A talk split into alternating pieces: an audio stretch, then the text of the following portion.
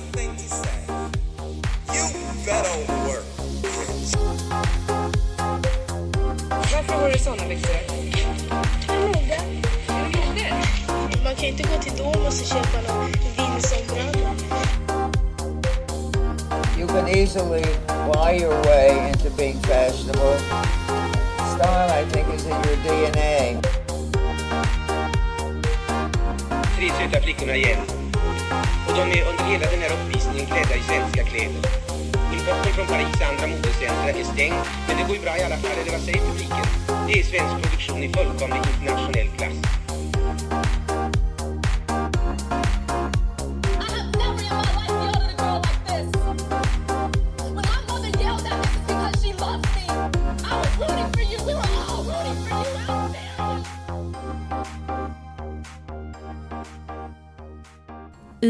Orten Trävattna utanför Falköping på gården Lilla Gislared fanns det år 1802 en adelsdam som hette Metta Fock.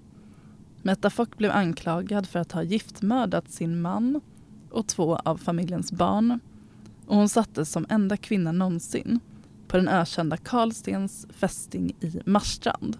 Vi ska berätta hennes historia med utgångspunkt på ett broderi som gjort henne odödlig. För 2023 är broderiet verkligen tillbaka, större än på många år. Och Metta är en kvinna vi bör minnas.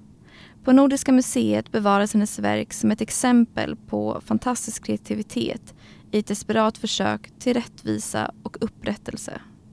Följ med när vi djupdyker i Metta Charlotta Focks dramatiska liv. Hej och eh, hjärtans välkomna till dagens avsnitt av Modehistoria med Studio Tvätt. Välkomna! Ni lyssnar på Saga Loxdal. Moa-Karin Levin. Och idag ska vi gå tillbaka lite till broderiets spår. Vi har haft det lite som tema förut. Och idag kommer en annan typ av broderi då. Och det kanske man kan tycka att, men är det verkligen modehistoria? Ja, det tycker jag i alla fall. Ja, men jag tycker det. Speciellt nu när broderi är så trendigt. Det är en väldigt vanlig dekoration på kläder. Verkligen, det är ett sätt att visa olika uttryck, quotes, bilder, motiv. Och broderi är ju någonting som oftast även idag utförs för hand.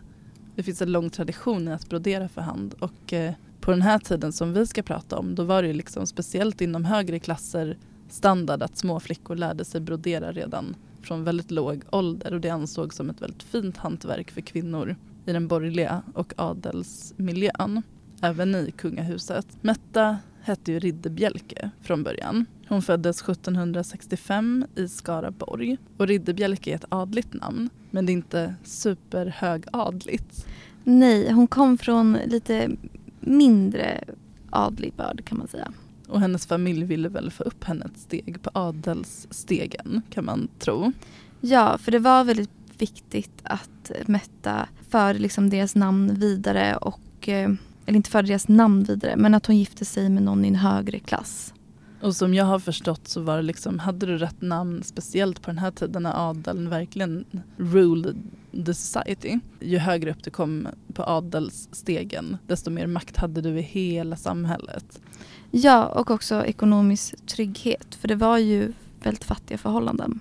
Så hade du säkrat ett arv och dessutom maktpositioner kanske inom rättsväsendet, regeringen, kungahuset, då, då var du nöjd. Kan du sitta lugn i båten? Eh, Så det fanns en annan familj, eh, familjen Fock, en väldigt stor adlig familj som var då mycket, hade mycket högre status än Ridderbjälkes. Ja, och redan vid 14 års ålder så trolovades Metta till Henrik Johan Fock. Men vem var då den här äh, Johan Fock? Henrik Johan Fock som kallas Focken faktiskt, eh, hade han som smeknamn. Eh, Det är inte samma ord som slöfock men man kanske kommer tro det när vi beskriver honom. Eh, Han var liksom lite bakom, han var lite trög. Så det hade inte gått att hitta en fru åt honom i hans nivå av adlighet. Nej, de hade ju försökt i flera antal år att hitta en kvinna till Focken. Ehm, men till slut så fick de ju leta sig lite i lägre klasser eh, och där hittade de Metta. Så det blev ett uppköp för Mettas familj Eh, men kanske nedköpt då för Focken. I alla fall till en början. Ja, Eh, Så ja, 14 år gammal blev hon trolovad till Focken och när hon var 18 så gifte de sig och då var han, han var åtta år äldre. Och eh, sammanlagt fick de sex barn. Men det var ju bara två som blev vuxna. Deras första barn dog ganska tidigt och eh, sen på lilla Gislaved fick de då en, två, tre, fyra barn till. Mm. Eh, och livet på lilla Gislaved var ganska tufft för Metta ju. Ja, livet var inte helt enkelt. Hon var väl ändå ganska glad till en början. Kanske inte just för att leva med just Focken. Men att hon ändå hon hade ansvar för familjen och en gård och ett, ja, men ett eget hushåll. Och det var också andra som hyrde stugor på deras marker som hon hade ansvar för. Eh, För att hon fick ta allt ansvar. Focken han latade sig mest. Ja, han tog inte alltid jättebra beslut. Och Metta hade ju en förmåga att se vad som var bäst för gården. Eh, Medan han gjorde ofta väldigt dåliga affärer. Han köpte halta hästar och blev lurad av folk och sådär. Eh, Så Metta, hon som redan kanske inte var helt omtyckt i Fock-släkten för att hon kom från en lägre klass. Hon blev nog ännu mer illa omtyckt när hon såg till att få honom omyndigförklarad. Hon ville inte att han skulle ansvara för deras ekonomi längre. Nej, med, med förståelse. Eh, Och den som tog över förmyndarskapet var Mettas bror. För som, som kvinna kunde inte hon ta över det. Så att det blev Mettas bror som blev liksom en samarbetspartner för att eh, driva den här gården. Ja, och det var redan här som det började bli dåliga rykten kring Metta. För att Focken var ju inte alls glad över det här och han beklagade sig mycket i byn att Metta kunde göra så här mot honom. Problemen i äktenskapet eskalerade när det kom en ny skogsvaktare till byn. Johan Fägerkrans. Och hans äktenskap var inte heller så lyckligt. Han hade fått gifta sig med en 30 år äldre kvinna just för att hon hade ett bra namn. Det var väl en lite liknande historia kan man tänka sig. I början när de flyttade in så blev hans fru som var ganska gammal sjuk. Och Metta ställde upp och vaktade vid hennes eh, sjukbädd och försökte få henne att tillfriskna. Eftersom hon var så lång tid i deras hem så började hon och Johan lära känna varandra och kanske utvecklade de också en liten fling. Johan såg ju också Mettas hårda arbete vid gården som han också hjälpte till med. Ja, han blev en hjälpande hand för henne för han kände att han hade tacksamhetsskuld när hon hade tagit hand om hans fru när hon var sjuk. För frun överlevde. Hon klarade sig. Ja, det var på håret men hon överlevde. Och där började det också komma svartsjuka från Johans fru, vilket hon också glatt berättade och skvallrade om. Som om inte det vore nog så kom verkligen oturen till Mettas hus under som försommaren 1802. Hennes äldsta son, Klas Abraham, 13 år, eh, som var hennes liksom stora framtidshopp. Det var han som skulle försörja henne när hon blev gammal. Han insjuknade. Ja, han insjuknade i vad man tror att det var mässling. Just för att det hade gått mycket mässling under en tid och eh, flera andra barn hade strykt med. Och eh, i samma samband som, så blev även Klas sjuk. Och efter hans död så tog det tyvärr inte så lång tid tills nästa barn insjuknade. Och det var lilla flickan Charlotta som var tre år bara. Hon var ju dövstum från födseln. Det var ju många i Fock-familjen som var väldigt oroliga för Charlotta just att hon var dövstum. För hur skulle hon kunna hitta en man? Men Metta verkar inte ha oroat sig så mycket för sin flicka. De kunde ju kommunicera med tecken. Precis. Flickan dog i vad man tror var lunginflammation. Så redan när sommaren just hade börjat så hade Metta varit tvungen att ordna två begravningar. Och visst var det vanligt att barn dog unga på den här tiden men kanske inte att de dog liksom så nära i tid till varandra. Nej, och det tog ju inte slut där heller. För strax därefter så insjuknade även maken eh, Henrik Johan och även han dog. Och han ska ha haft väldigt mycket uppkastningar, han kräktes tills han dog. Och eh, någonstans där började rykten cirkulera att Metta själv skulle vara ansvarig för sin familjs dödsfall. Man vet inte varifrån ryktet uppstod men plötsligt så började ju Johan Fägerkrans fru prata om att Metta hade försökt förgifta henne när hon låg sjuk. Ja, och den tidigare pigan som hade blivit avskedad av, på grund av stöld anklagade också Metta för att, att hon har hittat eh, gift i eh, rabarberlandet ganska snabbt så kom det fram att eh, många i byn som hade lite agg mot Metta och även i familjen Fock eh, menade att Metta hade haft merkurium i sitt hem och att det var det hon skulle använt för att ha förgiftat eh, både sina barn och sin man, försökt döda Johan Fägerkrantz fru eh, och det då för att hon ville kunna vara med Johan Fägerkrantz. Sen varför man vill döda sina barn bara för att man vill byta man, det en, vet jag inte om det är så logiskt. Men Nej, hon levde ju också väldigt mycket för sina barn. I samband med att hennes son dog så kom ju Mettas familj och hämtade hem henne för att bearbeta sor- sorgen. ja, hon blev verkligen knäckt. Det var inte alls att hon tog lätt på det. Nej, och hon fick ju också ansvara tillsammans med kanske någon piga då att eh, baka och göra mat till de här begravningarna. Och dessutom fortsätta driva gården. Mm. Så det var inte lätt. Eh, men det blev såklart ännu svårare när hon började anklagas för att ha dödat sin familj. Och anledningen att man tog upp merkurium, eh, som är vad vi, vi idag skulle kalla arsenik eller kanske kvicksilver, eh, det är för att Metta faktiskt hade köpt merkurium på ett apotek tidigare. För att hon hade problem med råttor och det var ett råttgift då. Ja, och man fick egentligen inte sälja merkurium men den här äh, apotekaren hade ju gått med på att sälja lite grann till Metta. Men ganska snabbt därefter ångrat sig. Och eh, då hade han sänt bud med en mjölnare som fick åka hem till Metta och eh, hämta tillbaka den där biten merkurium. Sen så går det olika rykten och olika vittnesmål kring detta merkurium. Men det finns ingenting som bevisar att hon hade merkurium hemma egentligen. De vittnesmål som säger att det har funnits merkurium det var ju från ganska partiska vittnen som hade agg mot henne. Ja, varför skulle inte hennes barn ha dött i mässling och lunginflammation? Det var sånt man dog av förr.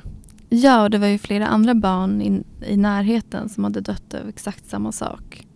Så att det var lite luddiga rykten men eh, det landade i att hon blev förhörd och eh, anklagad för mordet på två små barn och sin make Focken. Men Metta vägrade erkänna det, att det var sant. Ja, hon hävdade starkt att hon var oskyldig.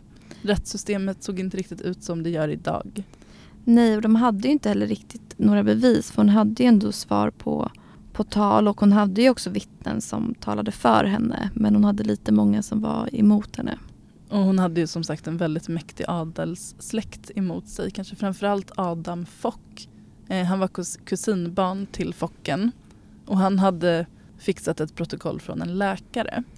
Som hade utan Mettas tillåtelse, utan på uppdrag av Adam Fock, hade han grävt upp de tre gravarna.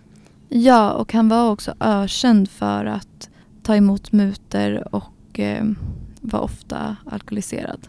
Så han menade att han hade grävt upp liken och kunnat konstatera att alla tre hade dött av merkuriumförgiftning.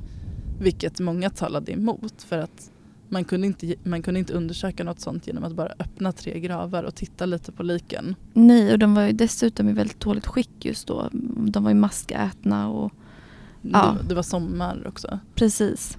Men rätten köpte väl eh, ganska mycket att Metta nog hade förgiftat tre personer med merkurium. Trots att hon inte erkände. Och det gick ju inte att först att döma henne för morden utan man satte henne fängslad i Jönköping. Och eh, hon skulle helt enkelt få sitta där tills hon erkände för så funkade det. Som om inte det var nog så var Metta också gravid under den här perioden. Hon fick reda på att hon var gravid strax efter att sina barn hade dött. Vilket gav ändå henne någon, något hopp för framtiden. Men det var innan hon blev anklagad för, för att ha förgiftat hela familjen. Så det slutade med att hon fick föda sitt eh, sjätte barn i fängelset med hjälp av en annan fånge som ja, men, var van vid barnafödslar. Barnet levde tyvärr inte så länge, bara några månader och dog sen i fängelset. Och där för att bevisa att hon inte hade tagit död på sitt barn så propsade ju Metta på att de skulle obducera flickan. Ja, men för att hon inte skulle anklagas för ett tillmord helt enkelt. Och det gjorde man. Så hon blev inte anklagad för, en, för sitt sjätte barn i alla fall. Men eh, åren gick. Hon flyttades till Karlstens fästing. Ett ökänt fängelse på Marstrand. Och där var hon den enda kvinnan som satt också. Ja, och den enda kvinnan som någonsin har varit fängslad där. Precis, och det är en detalj vi ska komma ihåg. Ja. Ehm, Men eh, alltså så här, år efter år gick när hon hade suttit sju år fängslad och då hade hon inte fått prata med någon. Hon hade ju inte papper och penna. Nej, hon de fick hade, inte läsa. precis, de hade tagit från henne papper och penna. De tog ifrån henne alla befogenheter och här kan man också kanske gissa att Fock-släkten hade några fingrar med i spelet för de hade som sagt ganska mycket makt i samhället och i rättsväsendet. Så till slut så var hon ju helt knäckt. Ja, till slut bröt hälsan ner Mette och hon erkände morden, morden för att ja, men få slut på sitt lidande helt enkelt. Hon orkade inte mer och eh, när hon hade erkänt så fastställde man hennes straff till dödsdom. Och då avrättades hon sen 1810 genom att man först högg av hennes hand, sen hennes huvud. Nej, hals. Nej, först handen faktiskt. Först handen. Först handen och sen halsen. Oj. Alltså i samband med varandra men först var handen när hon faktiskt levde fortfarande. Ja. Och sen när hon var död så brändes kroppen på bål. Och även Johan Fägerkrans erkände sitt förhållande till Metta men han fick ju då endast 28 dagar på bröd och vatten som straff. Han hade bedrivit otukt men det var inte mer än så. Nej. Ehm, man kan ju undra hur relationen fortsatte med hans fru. Men Mm. det vet vi inte. Nej. Det vi vet är att Metta på något sätt kan man ju likna det med en häxprocess nästan. Ja, just det. På sättet man bröt ner henne. Och att det var ryktesspridning som dömde henne. Och att hon blev bränd på bål. Och att hon var en kvinna som stack ut. Alltså hon, hon hade ju ett sinne för affärer. Hon visste hur man drev gården. Hon avskedade anställda som kanske inte gjorde gården väl. Och så vidare. Så hon hade ju lite skinn på näsan vilket inte var uppskattat. Fick Focken omyndigförklarad. Ja, Efter att Metta dog då hade hon två barn kvar i livet. Det vi vet om dem är ju att eh, Wilhelm, han var bara åtta år då ungefär. Han tog som hand, han fick liksom gå från gård till gård. Och eh, hade säkert en väldigt tuff uppväxt. Men vi vet att han fick barn senare i livet i alla fall. Och Ulrika var den äldsta dottern. Hon hade ju gift sig och hon fick också ett barn men det barnet dog vet vi. Det är en väldigt sorglig berättelse, bara det vi har pratat om nu. Hur hon blev, alltså även om vi inte kan till 100% idag undersöka om hon var skyldig eller oskyldig så låter det för mig ganska mycket som att hon inte var skyldig. ja, man kan ju gå in på det här mordet rättsfallet hur mycket som helst. Ja, Eh, men vi vill ju komma fram lite till det vi också ska prata om. precis. Men det finns väldigt mycket dokument sparande från, från den här tiden. Så att det går verkligen och det har undersökts hela rättsprocessen och man kan ju konstatera att det var rättsosäkert. Hon hade inte dömts i en rättegång idag Nej. och vi har inte heller dödsstraff längre så det hade hon sluppit. Mm. Och hon, ja, det är väldigt mycket som inte skulle ha hänt om det skett idag såklart. Ja, det är ingen historia med ett lyckligt slut.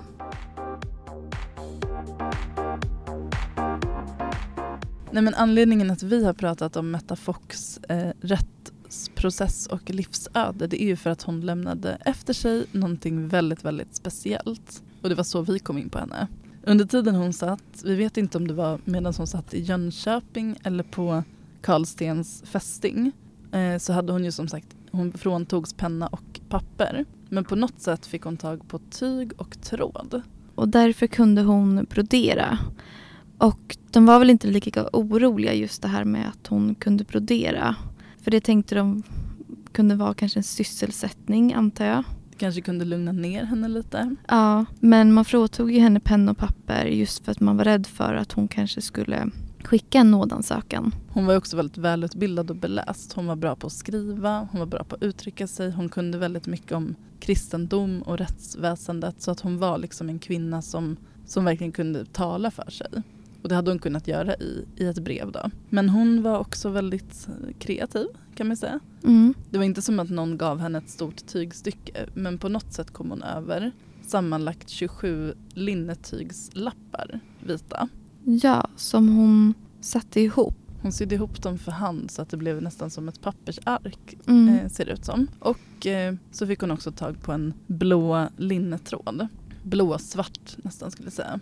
Och eh, vad gjorde hon då? Jo, hon broderade en nådeansökan med korsstygn. Precis. Eh, och den här finns ju då bevarad på Nordiska museet i Stockholm. Alltså när, man tittar på en bild på den som vi har gjort. Ja, Det är otroligt rakt. Alltså hon har verkligen typ räknat trådar för att allt ska hamna på samma rad. ja, och hon broderar ju då i korsstygn. Och alla bokstäver är liksom lika stora Och hon kan ju inte förrita dem på något sätt för hon har ju inte penna. Nej, så hon har fått göra det efter sitt huvud och vad Mm. hon minns. Ja, Eh, så det man kan säga är väl att hon troligtvis hade en stor kunskap i broderi och har broderat väldigt mycket i sitt liv. Hon broderade en hel nådansökan och där är det också så här, hon måste ha tänkt ut innan exakt vad hon skulle skriva liksom. Utan att ha kunnat skriva det någonstans. ja och hon är ju också, för vissa av de här tygbitarna är ju väldigt små så att viss text har hon liksom skrivit på sidan.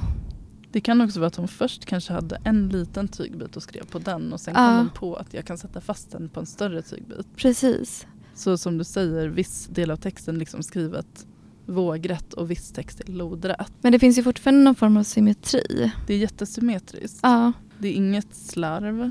Väldigt noggrant och Mm. eh, väldigt verbalt, alltså väldigt väl uttryckt. Man ser att den är daterad precis som ett vanligt eh, brev skulle vara. mm. Så högst upp så står det Jönköpings Bastill den 10 december 1805. Så vi vet att det var då hon började brodera sin nådeansökan. Vi vet inte hur lång tid det tog henne att brodera den. För det var ju 1809 som hon erkände. Så det här var ju då fem år innan. Men det vi vet är i alla fall att även om det här var en ansökan om nåd och det står väldigt mycket om att hon är oskyldigt dömd och väldigt hårda ord mot de domare som har varit med i den här domen då. Men eh, det man kan säga är att antagligen kom den inte fram till den den skulle komma fram till. Nej, för man vet inte riktigt vart den hamnade eller exakt vem hon gav den till.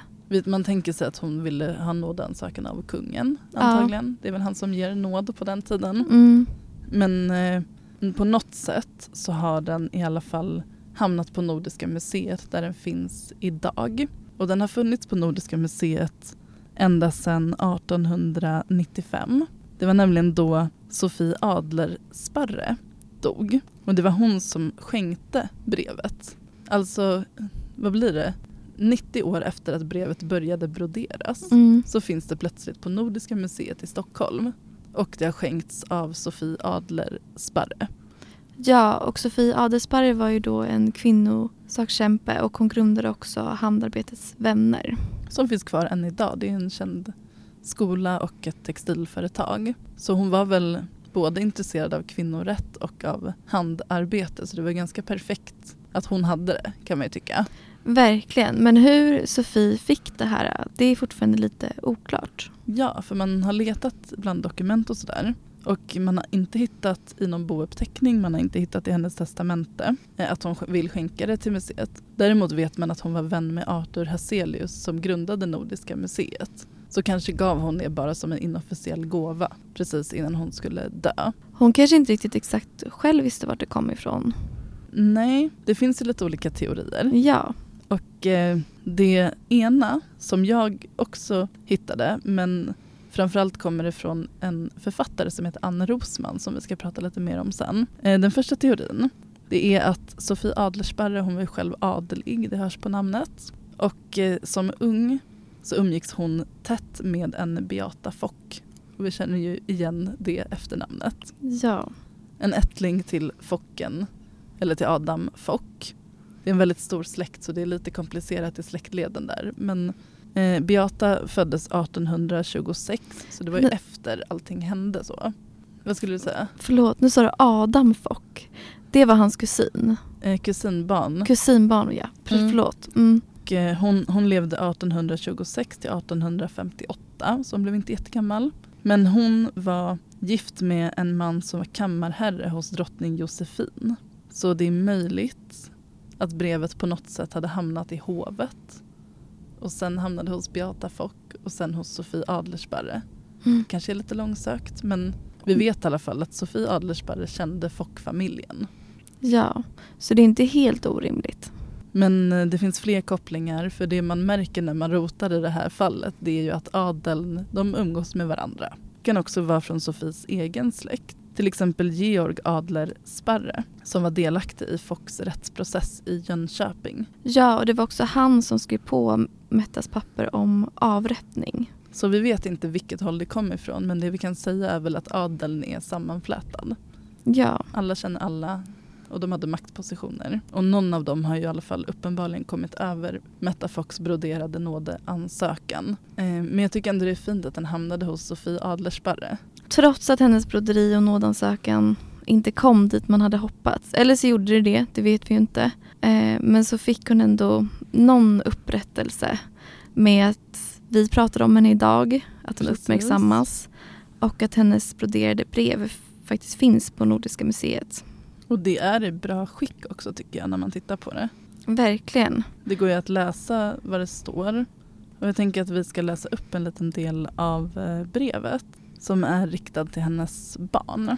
Ja, vi ska säga det. Brevet är väldigt långt och det är också gammelsvenska. Eh, Men vi har plockat ut ett litet stycke. Och det här var en av de texterna som skrevs på sidan, på tvären. Eh, för det var inte bara en nådansökan utan hon ville också skicka ett meddelande till sina två eh, barn. Och det handlar ju om att hon fick inte ha kontakt med någon under hela sin vistelse i fängelse.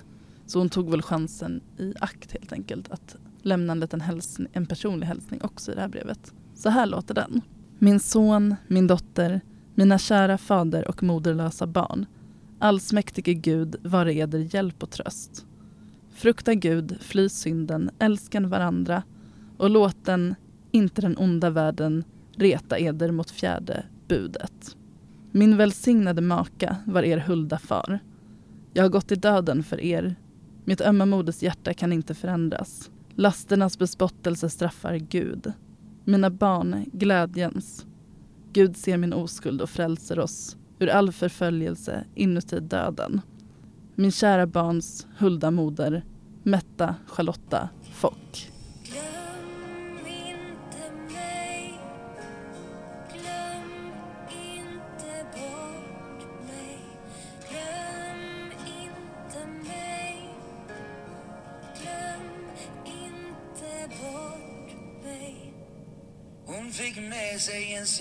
Tråd. Att brodera ett brev om nåd. Adresserat till konungen. Han som rår över sanningen. Metta Fox livsöde, eftersom att det är så speciellt att den här broderade nådeansökan fortfarande finns kvar så har hon uppmärksammats på olika sätt genom 1900-talet framför allt. Det har skrivits eh, flera böcker. Den första som skrev var Trefallt mord av Yngve Lyttkens. Den kom ut 1956. Men den mest uppmärksammade boken skrevs eh, för bara några år sedan och den heter Merkurium och är skriven av Ann Rosman då. Eh, jag såg att Ann Rosman hade skrivit på Facebook att hon hade ett författarsamtal på bygden nära lilla Gislaved. Och eh, där fanns det familjer som hade bott i trakten i tolv generationer. Så minnet av Metta Fock lever ju verkligen alltså bokstavligen kvar. Ja, det måste vara jätteintressant för alla de som bor där. Och vissa bor på samma gård där de bodde liksom, när Metta Fock fanns. Ehm, så att även hus och platser finns ju kvar och går att besöka. Och fästningen på Marstrand finns också kvar. Men är väl mer hotell och festvåning eh, våning nu. Ja, men det är ju ett otroligt dramatisk byggnad. Där skulle man ju faktiskt vilja besöka någon gång. Det verkar jättefint på Marstrand. Mm. Gud ja. Men under skrivandet så hade också Ann Rosman hjälp av en släktforskare. Och de tänkte ju så här att det skulle vara väldigt spännande om det fanns kvar en släkting till Metta Fock. När de då hittade att Metta Focks överlevande son eh, hade fått barn, då började de ju forska vidare på det. Ja, precis. För att man visste ju liksom inte riktigt först vad som, het, vad som hände med Wilhelm som fortfarande levde. Eh, för gården då arrenderades ut 1806 och i sockenstammens referat för det året finns en notis om att arrendatorn skulle få tre riksdaler mot att ta hand om pojken på gården. Och troligtvis var ju då det här Wilhelm. Så Wilhelm fick i alla fall bo ett tag hos den familjen. Sen vet jag ju att ja, men, de sålde också lilla Gislaved sen. Så jag tror att han fick flytta runt lite. Ja, säkert. Ehm, men Wilhelm fick ju då väldigt många barn. Eh, inte mindre än 12 barn. Varav åtta blev vuxna. Och det var genom ena dottern Beata Charlotta, eh, född 1833, som Mettas gener vidare finns idag. Och eh, Wilhelm, det finns ju också dokument på att han blev militär. Så att det gick väl ganska bra för honom. Eh, men tack vare allt det där då och släktforskningen vidare från Beata Charlotta så hittade de en nu levande ättling till Metta Fock. Och det var Cecilia Dahllöf. Hennes farmors farmors farmor var Metta Fock. Ja, precis. Och hon kände ju inte till den här historien förrän hon blev kontaktad av Ann Rosman. Och de gick tillsammans till Nordiska museet för att titta på brevet då. Och det blev ju väldigt känslomässigt för Cecilia Dahllöf. Eh, verkligen. Eh, och hon tog ju verkligen till sig den här berättelsen och eh, åkte även till eh, Karlstens fästning några veckor i förväg för att förbereda sig. Alltså inför att ja, men, möta Ann, jag antar det för att ä, möta Ann Rosman och förhöra, ja, men ta del av hela den här Mm. historien på riktigt. Eh, och hon ska ha suttit i den här fuktiga cellen där Metta satt inspärrad. Just för att känna in hennes liv. Och um, sen när de tog bilder och gjorde filmer för att marknadsföra boken Merkurium då var det också Cecilia Dahllöf som fick klä ut sig till Metta Fock på bilder för att liksom figurera sin släkting då. Någonting annat som jag tycker är bra med Ann Rosmans bok det är att man ser att hon har gjort väldigt mycket research för att liksom ta reda på precis vad man hade på sig på den här tiden. Hon nämner liksom rätt termer och eh, beskriver rätt typ av plagg som man hade på den tiden. Till exempel så är det mycket om att Metta Fock bär en bindmössa. Ja, och en bindmössa kunde ju se ut lite på olika vis beroende på vilken klass du kom ifrån kan man ju säga. Men den kunde ju både liksom sitta lite mer på huvudet säkert med att man satte fast med nålar och sådär.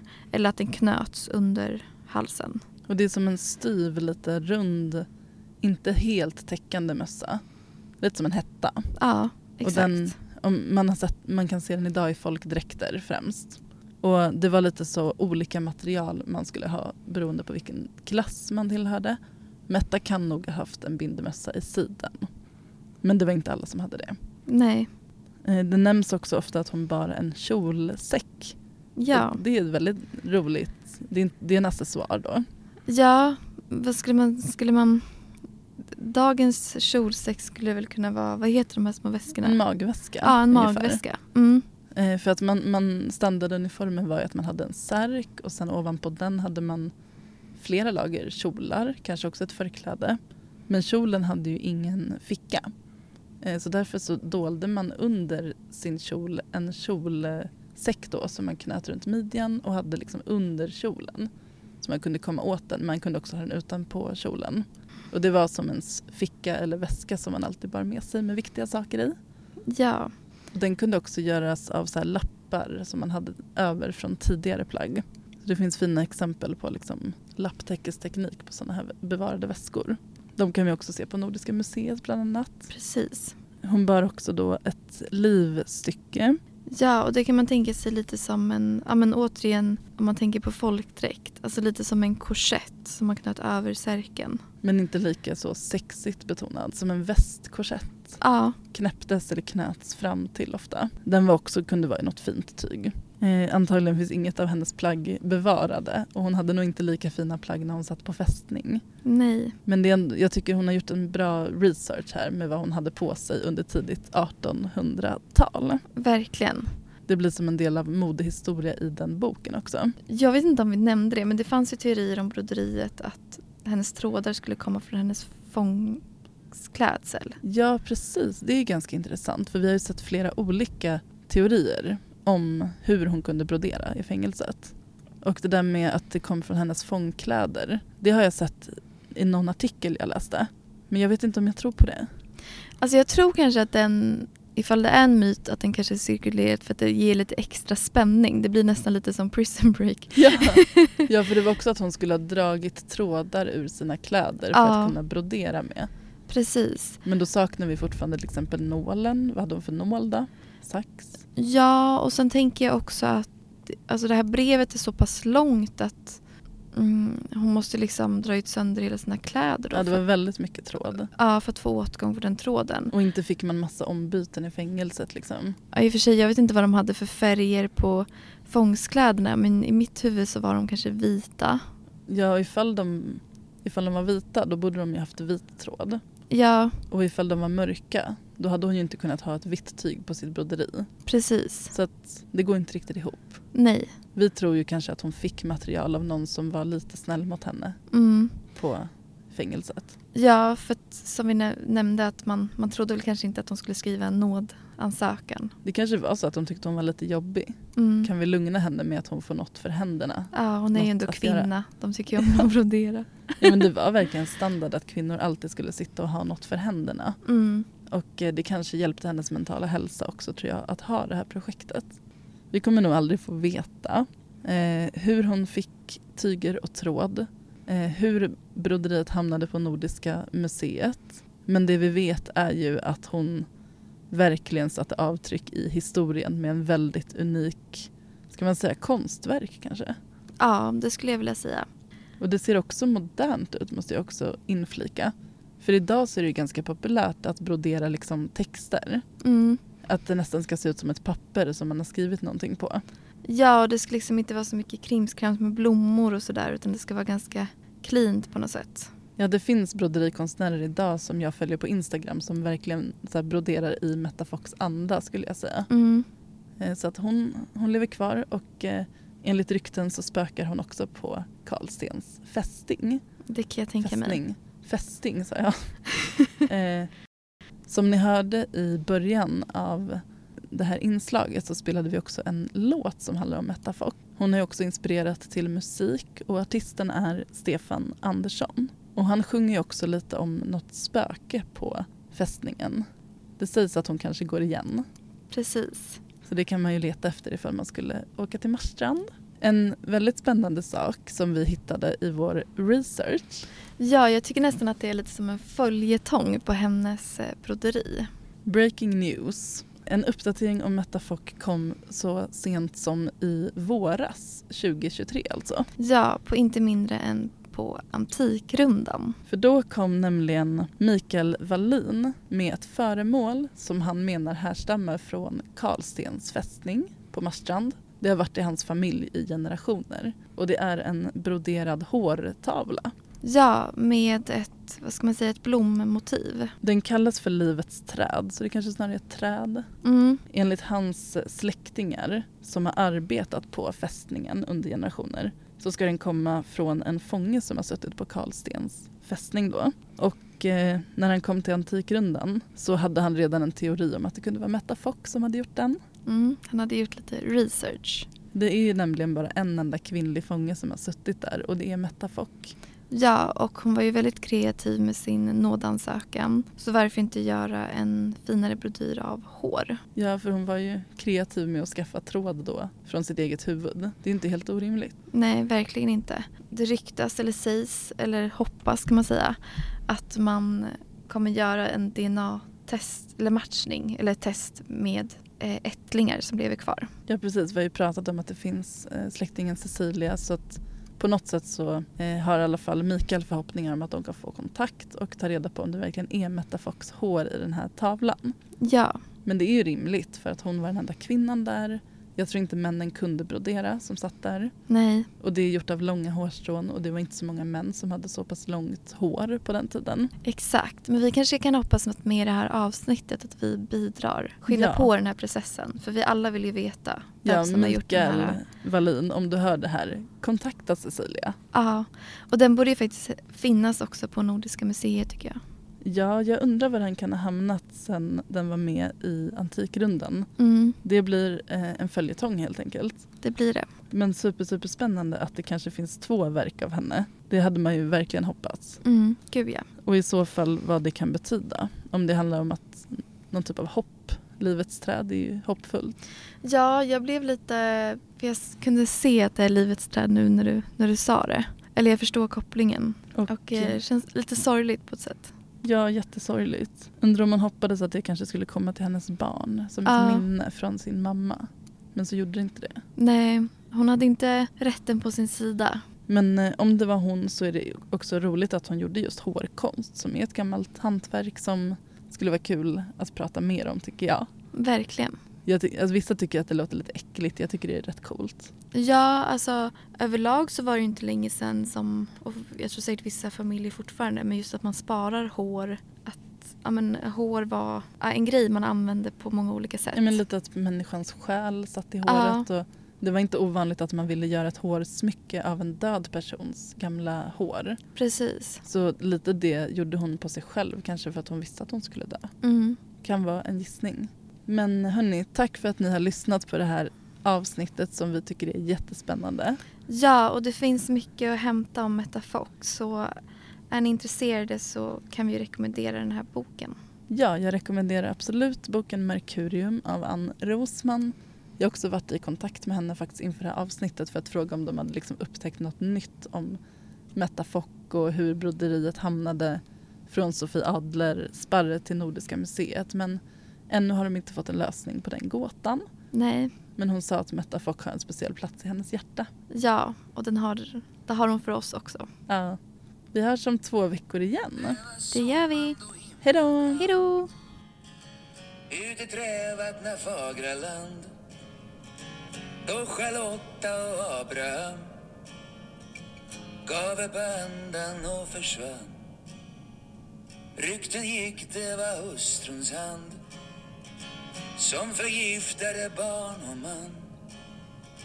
Kanske hon vill bekänna allt. Ut i fästningens mörka valv på kommendanshuset vind går en kvinna omkring.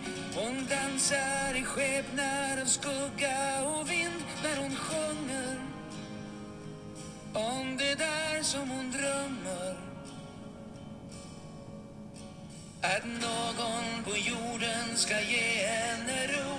Att någon nu levande skall henne tro. Att hon sörjer den sanning vi döljer. Glöm inte mig. Glöm inte bort mig. Glöm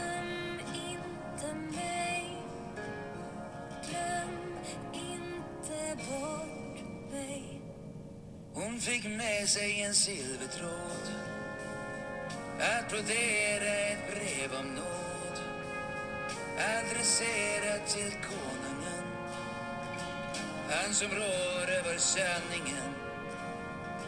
Inte trodde han hennes ord. Metafolk blev nu bränd för mord. I november på Fagrets mor det var hösten då på vind går en kvinna omkring. Hon dansar i